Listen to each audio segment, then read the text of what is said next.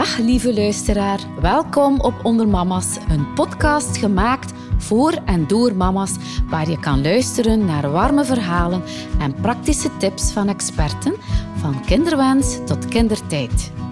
Ik ben Sonja Pijpaard, mama, auteur en jouw host in deze aflevering. In deze reeks heb ik enkele waardevolle gesprekken met experten in functie van mijn drie boeken. Onder Mama's, de ultieme zwangerschapsgids. Mama's weten waarom, de babyhits. En mijn nieuwste boek, Peutermama's, voor een vrolijke en ontspannen peutertijd.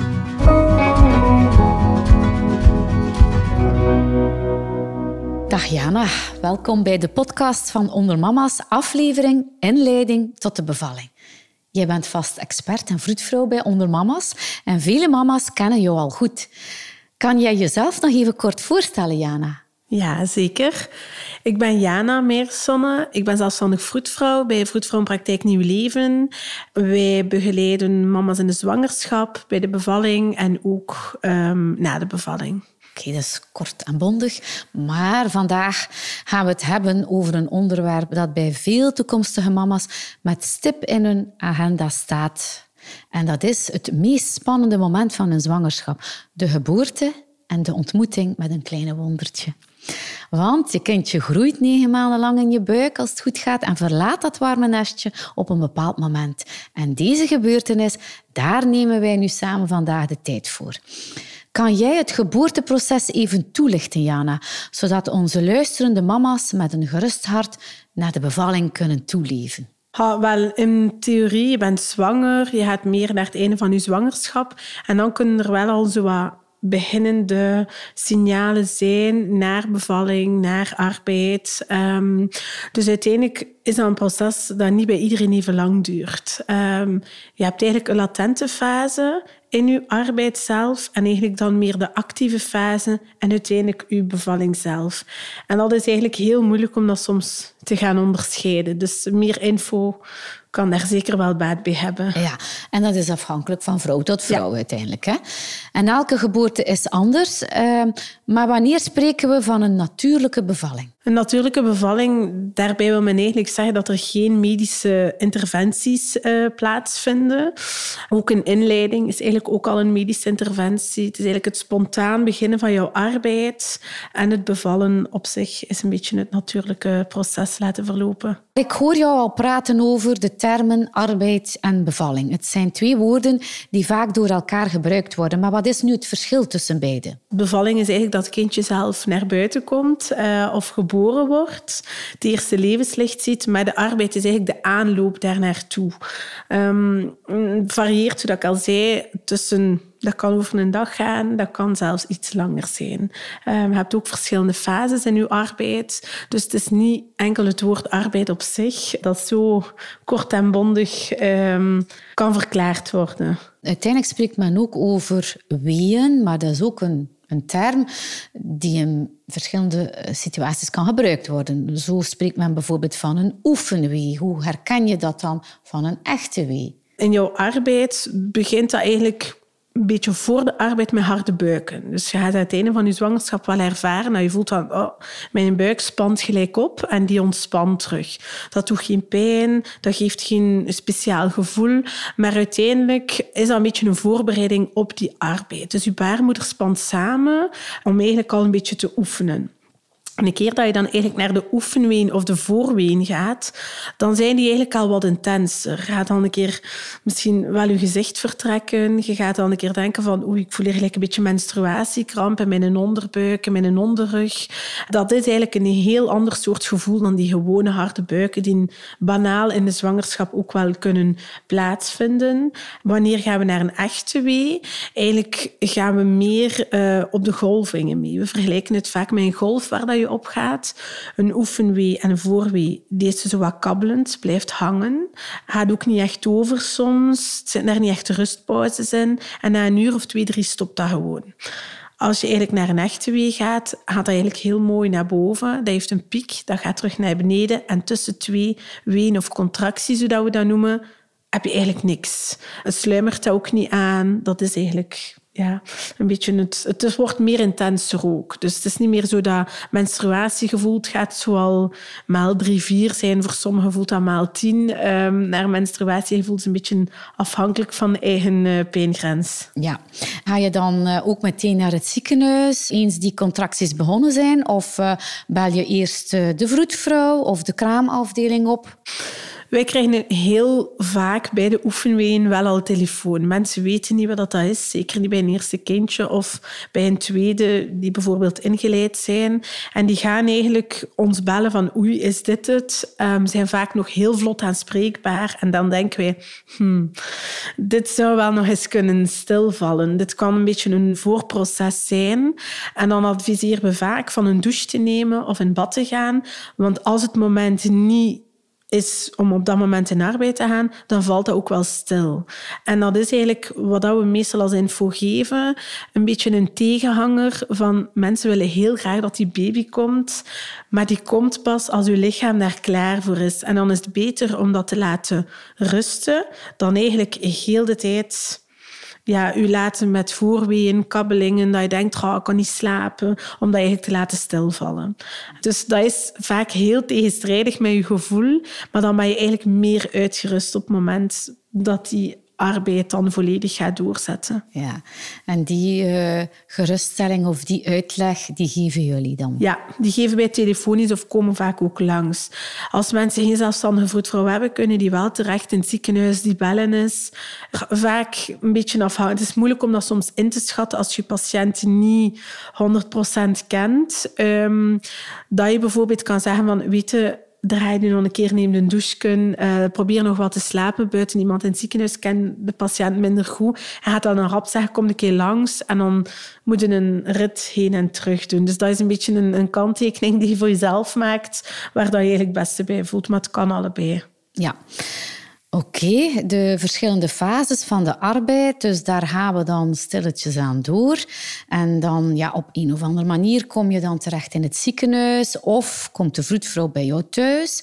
Maar waar mag je je dan aan verwachten? Door welke fases gaat je lichaam eigenlijk voordat je kindje uiteindelijk geboren wordt? Ja, je hebt eigenlijk aan die oefenweeën. Dat kan zijn dat dat heel stilletjes aan toch naar echte ween gaat. Of, zoals ik zei, kan stilvallen. Een keer dat je meer naar de echte ween gaat, dan is er eigenlijk, ik ga zeggen, een beetje een richtlijn, puur theoretisch dan vermeld. Als je eigenlijk gedurende een uur contracties hebt die langer dan een minuut duren en eigenlijk die ja, heel pittig zijn en die komen eigenlijk om de vijf minuten terug bij een eerste kindje, dan kan je eigenlijk verwachten van, hmm, nu zijn we eigenlijk fel in arbeid. Dus dan kan je eigenlijk wel ofwel naar het ziekenhuis gaan, ofwel komen wij bijvoorbeeld dan bij ons in de praktijk en begeleiden wij de ouders nog een stukje thuis. Uiteindelijk gaan die contracties steeds korter op elkaar komen en heb je eigenlijk een contractie van bijna een minuut en een half, twee minuten nodig om eigenlijk echt naar die bevalling te gaan.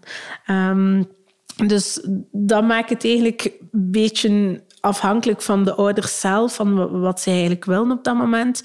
Uh, en welke keuzes dan zij willen maken in die arbeid. Sommigen vinden dat proces heel belangrijk om dat thuis door te maken, om in een eigen ruimte te zijn, uh, hun eigen spullen bij te hebben. Anderen gaan eigenlijk direct naar het ziekenhuis, omdat ze zich daar veel fijner voelen.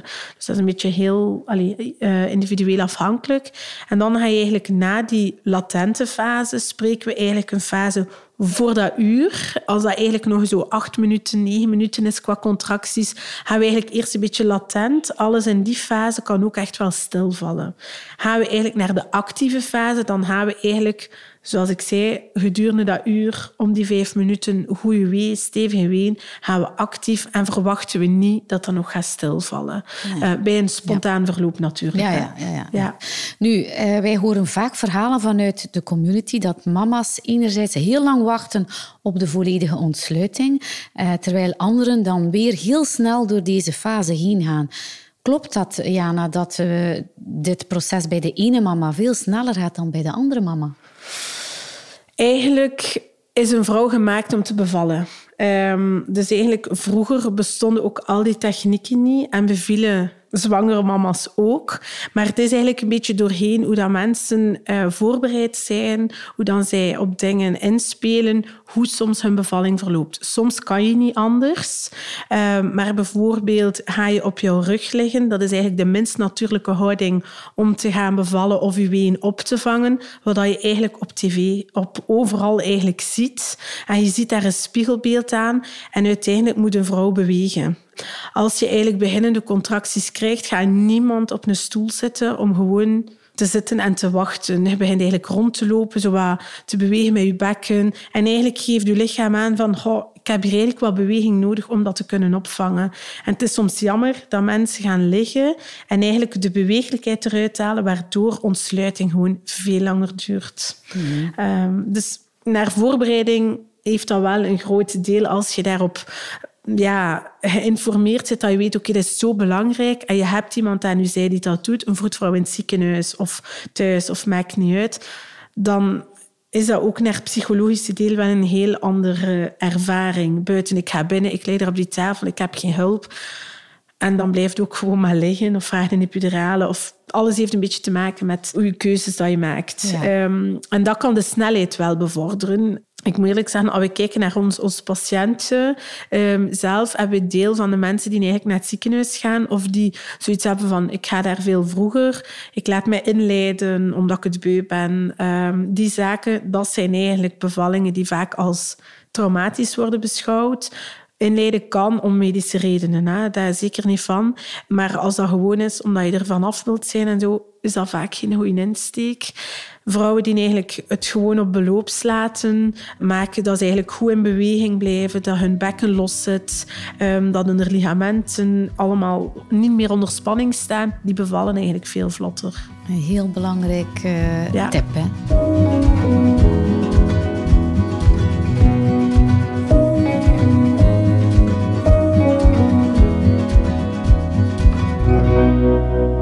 Wat met pijnbestrijding, hè? want dit is ook iets wat persoonlijk is. Uh, hoe kan je hier op voorhand een bewuste keuze maken? Want ja, er zijn ook bepaalde vormen die enkel in het ziekenhuis kunnen toegepast worden. Hoe zit dat nu thuis, in het ziekenhuis, pijnbestrijding? Ja. Wij gebruiken niet graag het woord pijnbestrijding, maar eerder hulpmiddelen. Mhm. Ehm, omdat dat, dat klinkt ook gewoon al veel positiever. Ja, ja, ja inderdaad. Um, maar uiteindelijk heb je eigenlijk een hele vorm. Warmte kan een vorm van een hulpmiddel of pijnbestrijding zijn. Je hebt de natuurlijke vormen en je hebt de medicamenteuze vormen. Dus een kersenpit bijvoorbeeld, een douche, een bad, dat zijn allemaal natuurlijke pijnstillers of hulpmiddelen. Vaak ook een massage van de partner of de persoon die bij je arbeid aanwezig is, kan um, pijnverlichtend zijn. Als we dan eerder naar zo'n tussenweg gaan, heb je eigenlijk ook de TENS. Een geboortetens is in België nog niet zo heel veel dat dat gebruikt wordt. Ik moet zeggen, wij hebben dat wel ter beschikking in de praktijk. Dat is iets vanuit Nederland en dat is eigenlijk een soort toestel die eigenlijk met eh, plakkers op het uiteinde van uw rug wordt geplakt, waar dat u uiteinde van uw, uw baarmoederhals en uw baarmoeder komen en die geven een lichte prikkeling. En als je eigenlijk een contractie voelt bij jezelf, duw je eigenlijk op een soort knopje die die prikkeling verhoogt. Is dat een placebo-effect of niet? Dat kunnen we niet 100% zeggen, maar het verplaatst zowel uw gevoel van, van die contracties. Um, ook stimuleert het meer uw natuurlijke drugs in uw hoofd, om zo in uw kokonnetje te komen, waardoor dat je eigenlijk wel een beetje het zweverige opbouwt, waardoor je die pijn veel makkelijker kan verdragen. Ga je dan eigenlijk naar het medicamenteuze, dan heb je eigenlijk de epidurale, voor heel veel mensen wel gekend heeft zowel zijn voor- als nadelen. Er zijn altijd contra-indicaties of dingen die kunnen gebeuren bij een epiduraal. Daar word je ook van ingelicht op dat moment. Maar het gaat daar meer over de functie van de baby zelf en ja, in uw arbeid. Dus als je eigenlijk een epidurale hebt, leg je neer. En dan neemt ook alweer je functie weg van je bewegen, uh, wat dat heel belangrijk is. Je hebt in diverse ziekenhuizen wel een de walking epidural, dat ze wel al wat meer bewegelijk zijn, maar het is toch niet hetzelfde. Een epidurale kan ook echt een voordeel zijn bij mensen die geen ontsluiting maken door veel te gespannen zijn, niet te kunnen ontspannen kan dat wel helpen. Omwille van medische risico's of zo, kan dat ook een vorm van um, dat dat een hulpmiddel is. Maar als je eigenlijk zegt van ik wil dat natuurlijk beloops laten en je hebt eigenlijk een goede ondersteuning, dan is dat eigenlijk niet nodig. En uiteindelijk naar baby toe heeft het veel, ik kan niet zeggen nadelen. Bijvoorbeeld vrouwen die heel lang vocht toegediend krijgen bij een epidurale, gaan baby's dat vocht ook meenemen. Waardoor een reflex door die epidurale na de bevalling om eigenlijk aan de borst te drinken een stukje onderdrukt is. Dus eigenlijk de eerste twee dagen kan dat onderdrukt zijn, waardoor dat je dat meestal een soms verminderde opstart van productie ziet van borstvoeding. Dus alles hangt eigenlijk ook wel een beetje aan elkaar. En dat zijn dingen die mensen vaak niet weten. Dus ja, ik zeg, er zijn heel wat mogelijkheden. En ik zou zeggen, laat je gewoon voldoende informeren dat je eigenlijk een goede keuze kan maken op het moment. Twee vragen daarover. Is het zo dat je na een epidurale jouw onderlichaam niet meer kan bewegen? Normaal gezien is het éénzelfde plaats waar dat geprikt wordt uh, voor epidurale. Maar is er soms iets te veel toegediend, iets te weinig. Dat, soms kan het zijn dat je je contracties wel nog voelt, dat dat eigenlijk nog even hetzelfde blijft. Dan is het beter van de dokter er nog een keer bij te halen om te herchecken. Maar bij sommigen, als ze bijvoorbeeld te laat hun epidurale gekregen hebben, het eerste stuk kan maar wel wat verdoofder aanvoelen. Maar bij de meesten is dat niet het geval.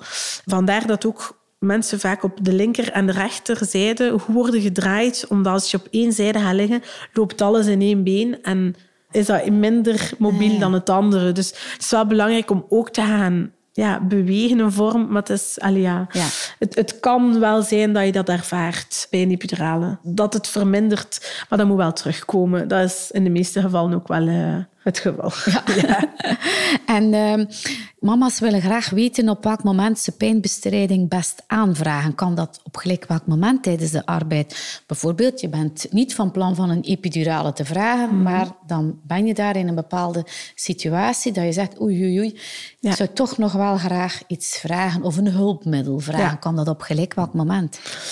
Meestal is het ook fijn om te weten vooraf hoe dat mensen daar tegenover staan. We hebben soms mensen die zeggen, ik wil absoluut geen epidurale, maar bij aankomst in het ziekenhuis weten ze dat dat meestal voorhanden is. Thuis gaan ze dat niet vragen, want dat is er niet. Ze komen in het ziekenhuis en dat is voorhanden. En dan is het een beetje als bijvoorbeeld wij als zelfstandige voetvrouw mee zijn, de keuze maken, oké, wat wil mijn patiënt nu echt? Als je ziet dat je patiënt uitgeput is, um, kunnen daar echt wel op inspelen ga je dat op drie centimeter om daar echt centimeters op te plakken. In theorie is dat heel moeilijk. Buiten vraag je dat bijvoorbeeld op um, 7 centimeter, 7, 8 en dat kan nog. Dat kan ook. Ik zeg maar heel afhankelijk van patiënt tot patiënt.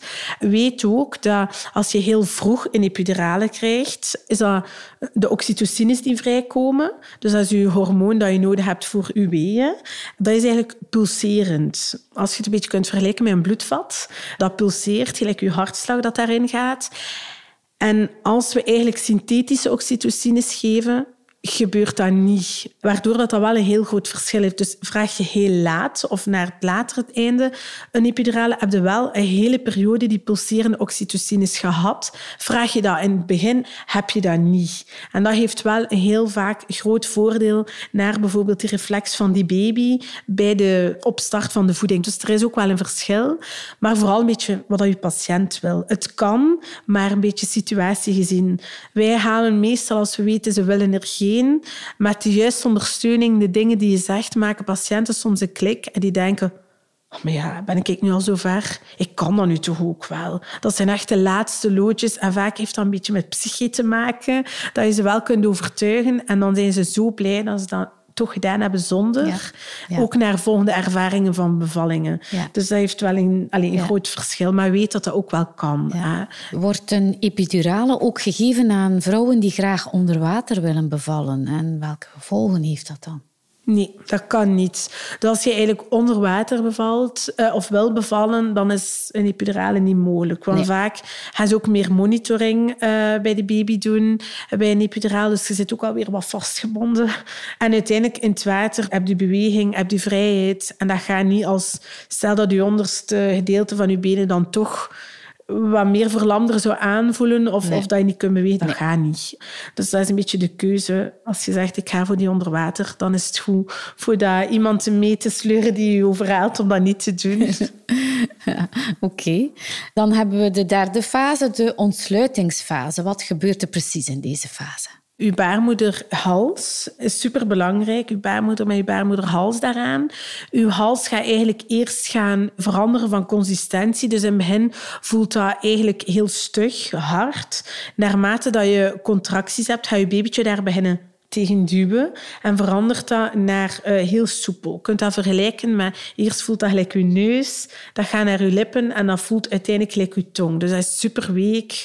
En uiteindelijk een keer dat dat gebeurd is, gaat hij gaan beginnen ontsluiten. Dus teken dat dat babytje daar goed tegenaan duwt en dan gaat die opening vormen. En dan ga je van tot 10 centimeter, die heb je eigenlijk ook echt wel nodig om je baby daardoor te krijgen. En de vlotheid in die fase heeft gewoon ook te maken met je beweging. Ga je gaan liggen en dat babytje doet continu met eenzelfde druk en het ligt bijvoorbeeld nog niet 100% in je buik, ja, dan kan het zijn dat dat gewoon iets trager verloopt. Ga je gaan bewegen, ga je gaan inzetten op oké, mijn baby zit daar, ik kan die oefeningen doen, ik kan zo bewegen, dan ga je eigenlijk merken dat dat veel vlotter gaat en daar zit je weer met je ja, u verschilt natuurlijk. Ja, ja, ja. Ik kan me voorstellen dat het ook voor veel vrouwen een opluchting is om in die fase, dat is een vrij actieve fase, om mee te kunnen werken. En ik denk dat ze dan misschien hè, die pijn dan ook wel kunnen opvangen. Ja, ja.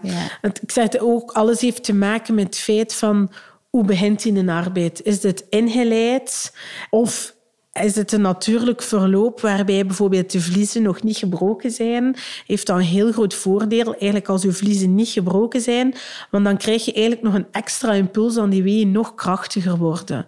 Dus hoe later dat eigenlijk je vliezen breken, ah, hoe beter. En dan krijg je die een extra ja, schwung om nog meer. En dan ga je al richting die laatste, meer naar de uitdrijving, naar uh, de geboorte van de baby zelf. Heb je natuurlijk je vliezen die breken in het begin van je arbeid. Ja. Dat kan ook. En dat is daarom niet slecht, maar vaak is dat liggingsgebonden van een baby. En dan zijn die ja. ween eigenlijk direct meestal intenser.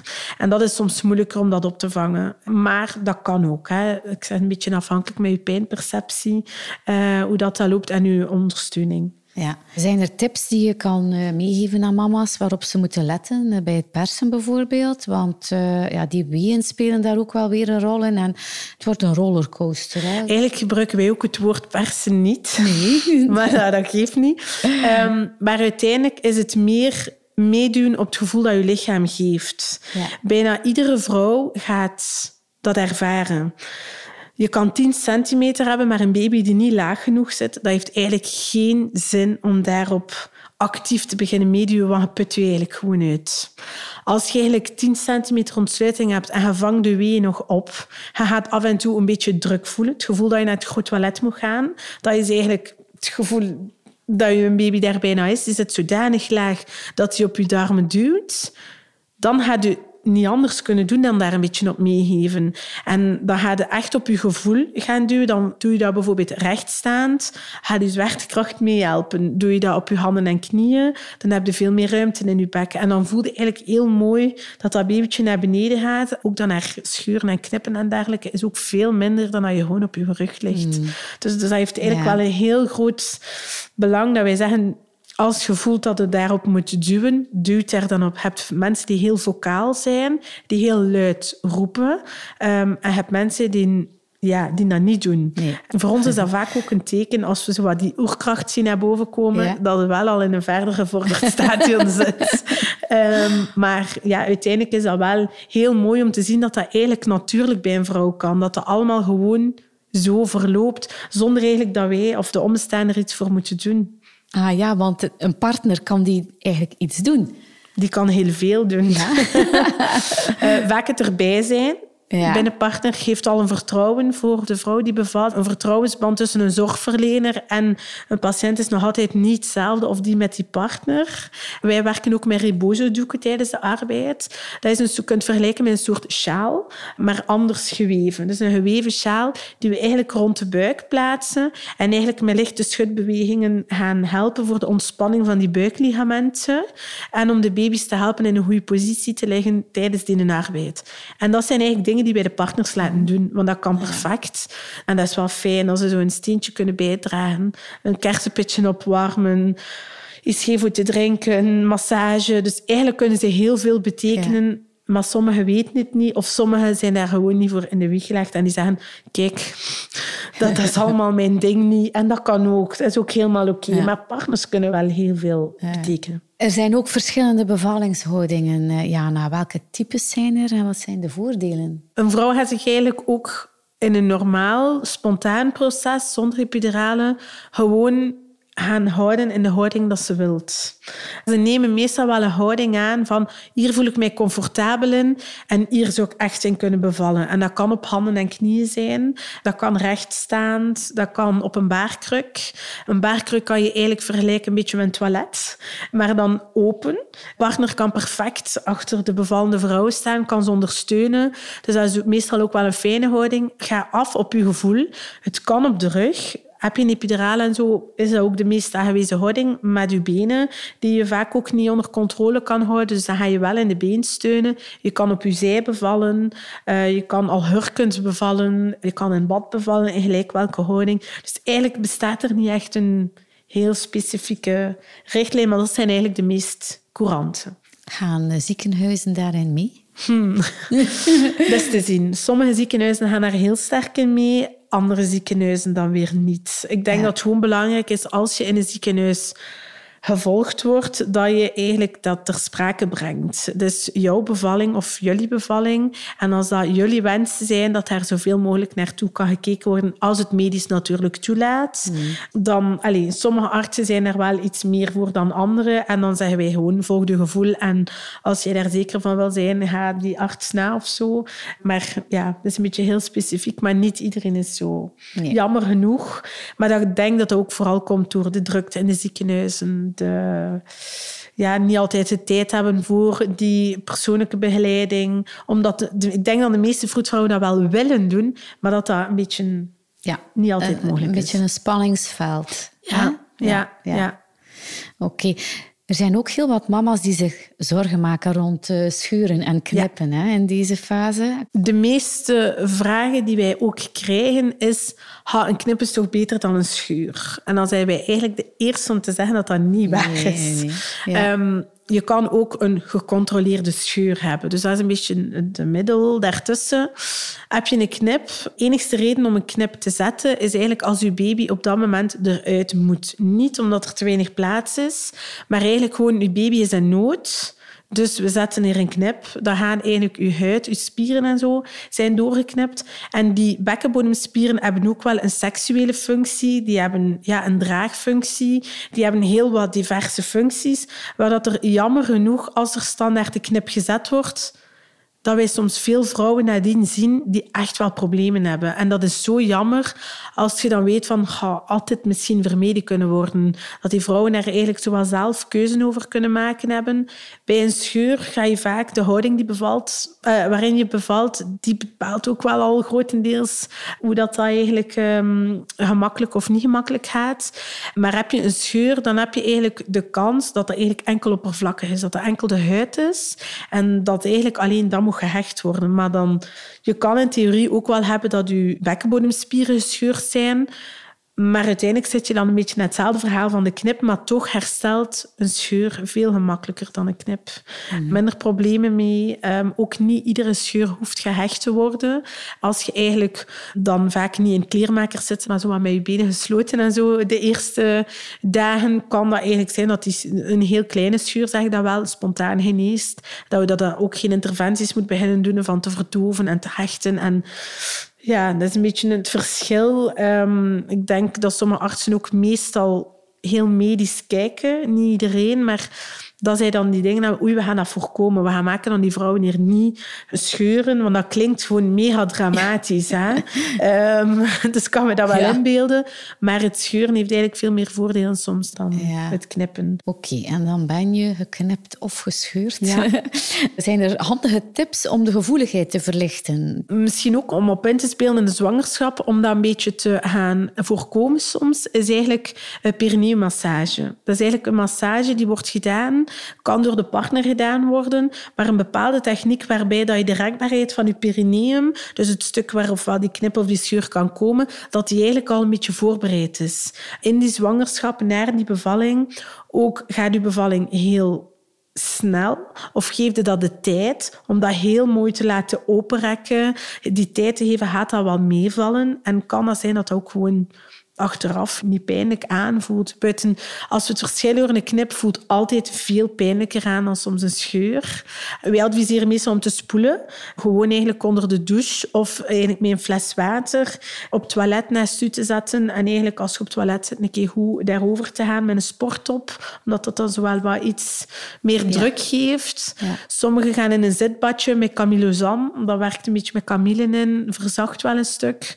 Maar vooral eigenlijk ook je pijnstilling nadien, om die gewoon in te nemen. Het heeft ook geen zin om met pijn rond te lopen, dat te willen verbijten. Hebt u een baby, je wilt ervan genieten. Dus dat kan zeker wel ook een mooie hulp zijn. Er zijn bepaalde merken naar maandverbanden en zo die niet zo aangewezen zijn. Dus gaat al zeker een keer na bij je vroedvrouw die eigenlijk ook meer voor irritatie zorgen van een uh, knip dan iets neutraal, iets, iets zonder geuren, iets eigenlijk heel basic, dat wel een betere genezing ja. Nu, je kindje is dan geboren hè, en dan uh, komt het mooie moment, ook samen met de partner, om de navelstreng door te knippen. Hè? Er is ook zoiets als een nageboorte. Ja. Kan je daar nog de volgorde iets... Ja. Dus eigenlijk een keer dat je, je babytje geboren is, volgt eigenlijk de nageboorte. Dat is eigenlijk de bloedtoevoer, alles wat er eigenlijk in verbinding stond in je lichaam met je baby. Die connector, die moet er nog uit. Die moederkoek, die placenta. En eigenlijk heb je daar een uur de tijd voor. Dat is een beetje een richtlijn ik denk als je vraagt bij heel veel vrouwen die bevallen zijn, goh, binnen vijf minuten was dat eruit. Niet bij iedereen. Maar het is ook niet altijd noodzakelijk om direct met medicatie je baarmoeder te laten samentrekken om eigenlijk die moederkoek daaruit te krijgen geef dat gewoon de tijd. Je kan er ook voor kiezen om je navelstreng te laten uitkloppen. Dus dat wil eigenlijk zeggen dat al het bloed dat nog in die moederkoek zit, dat die eigenlijk helemaal naar je baby gaat. En vanaf dat er eigenlijk niks meer zo pulserend uh, of een hartslag te voelen is in de navelstreng, dat die dan pas wordt doorgeknipt. Dat geeft eigenlijk een beetje extra bloed toevoer naar de baby. Sommigen hebben daar zoiets van, ja, maar baby's gaan veel sneller geel zien na de bevalling. Het weegt eigenlijk niet op tegen de voordelen. Ah, um, een keer dat de voeding goed opgestart is, gaan die baby's uiteraard niet meer geel zien. En dan hebben sommige vrouwen die een lotusbevalling willen. Dat is eigenlijk waarbij dat de moederkoek eruit komt, maar eigenlijk nog verbonden is met de baby.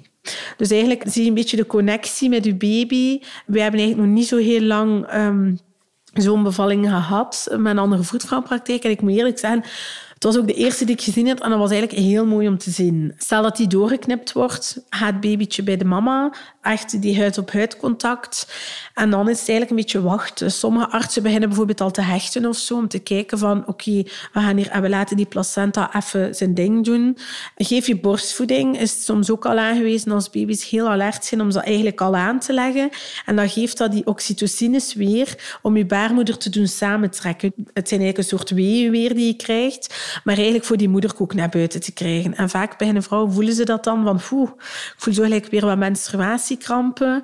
Uh, en dat helpt eigenlijk ook om die baarmoeder te laten samentrekken. Als je ziet van, het gaat toch niet zo vlot, um, maar er is eigenlijk geen reden dat die nog zo vastzitten of zo, dat die wel los zit. Door te hurken of te bewegen komt hij daar vaak ook mm -hmm. buiten daaraan te trekken en zo. Maar er wordt vaak gedaan gecontroleerde tractie om eigenlijk die navelstreng en die placenta naar buiten te brengen. Ja. Um, en dan kan je daarmee kiezen. Hè. Sommige vrouwen nemen dat mee naar huis voor een boom op te planten. Anderen zeggen ik moet dat allemaal niet hebben.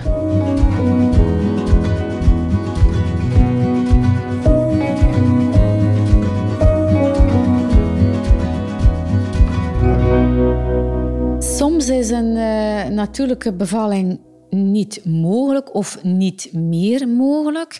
En dan ja, gaan we naar een keizersnede over. Ja, je hebt eigenlijk twee vormen hè. bij de keizersnedes. Je hebt de geplande keizersnedes en degene die niet gepland zijn. Je hebt eigenlijk ook nog tussen de niet geplande, dus die door genuïne arbeid, dat blijkt van oké, we moeten toch een keizersnede doen, die gewoon zijn of die spoed zijn. Dat is echt wel nog een heel groot verschil.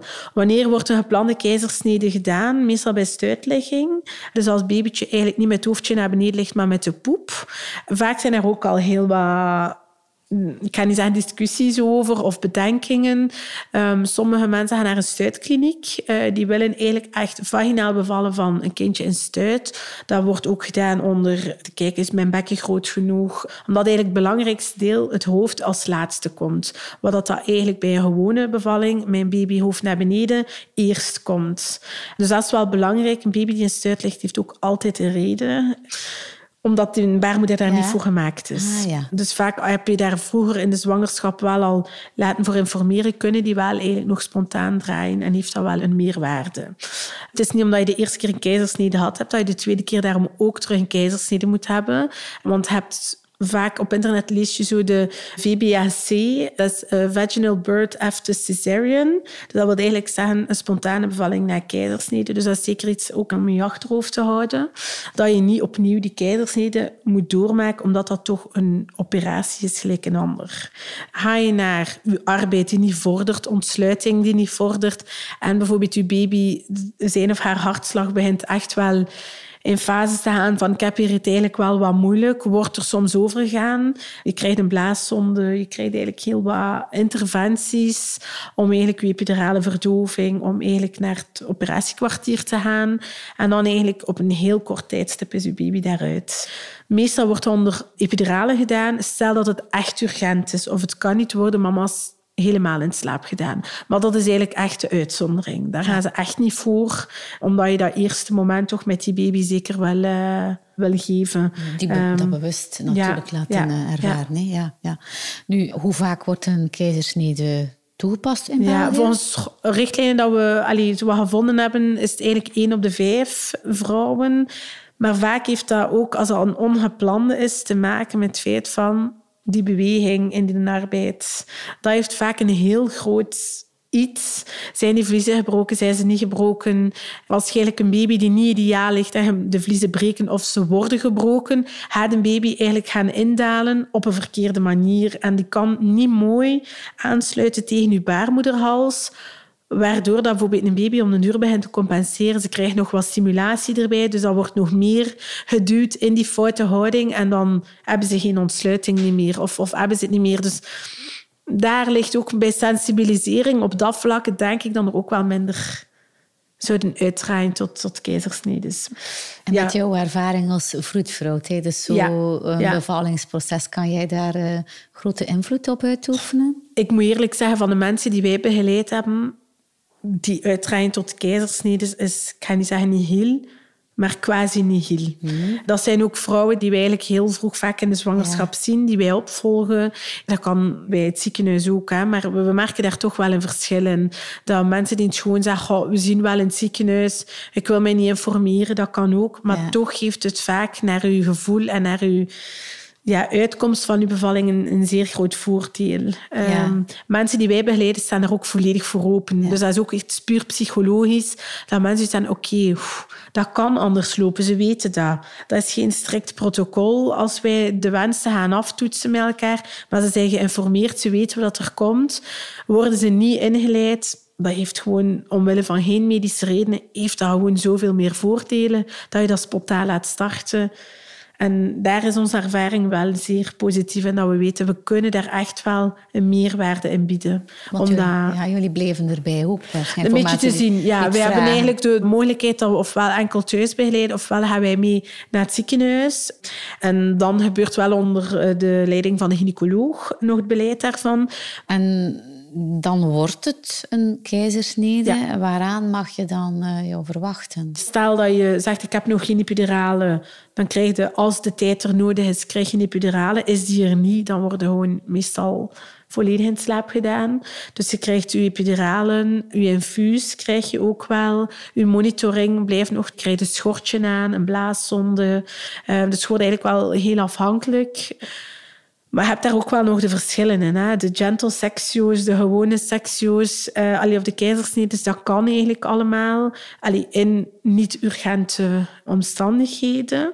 En dan gaan ze eigenlijk gaan insnijden. Meestal ja. mogen de partners er ook wel bij vanaf dat ze gaan beginnen. Er wordt eigenlijk een doek uh, geplaatst dat je eigenlijk ja, niet ziet wat er daar gebeurt.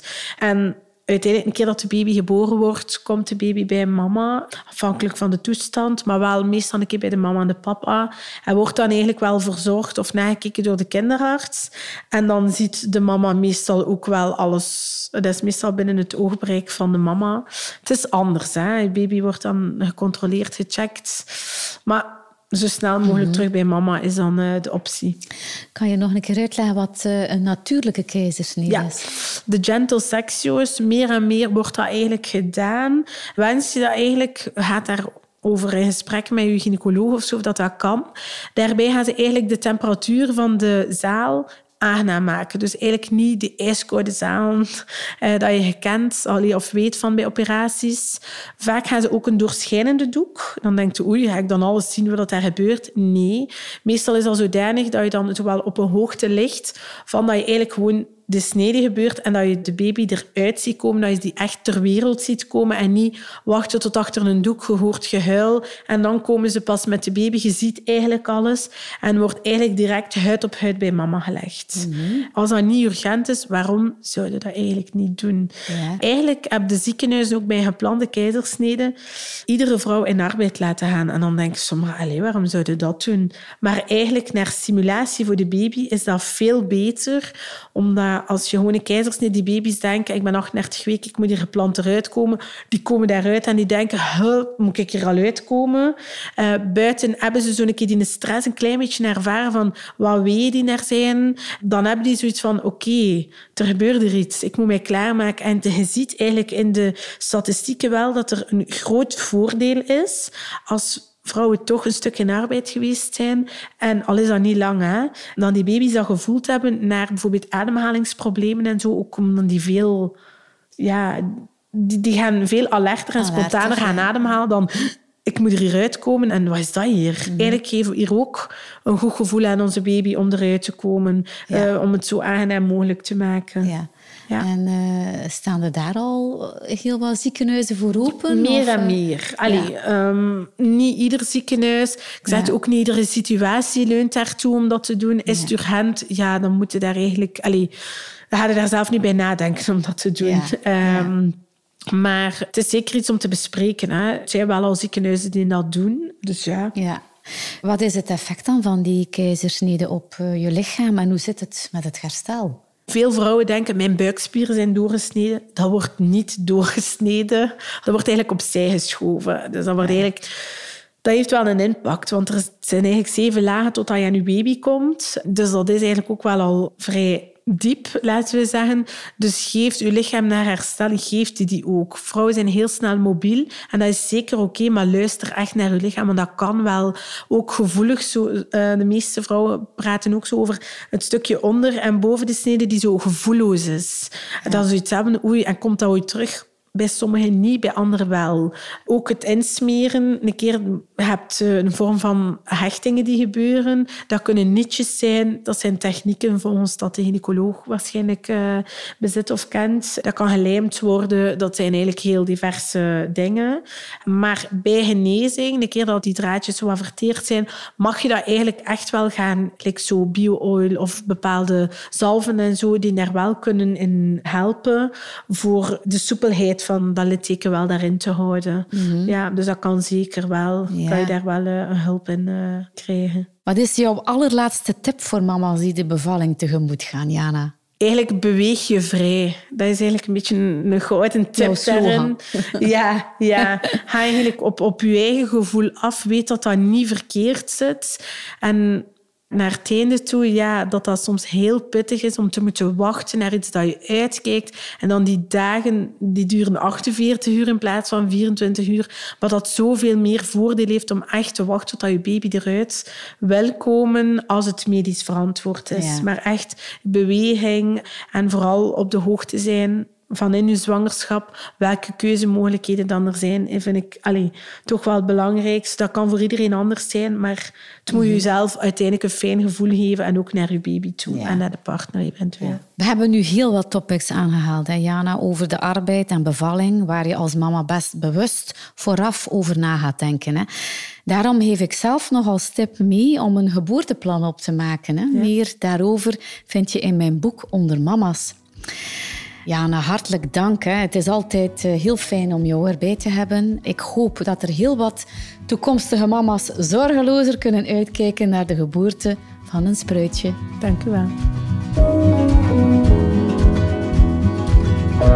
Bedankt om er opnieuw bij te zijn in deze aflevering van de Onder Mama's podcast.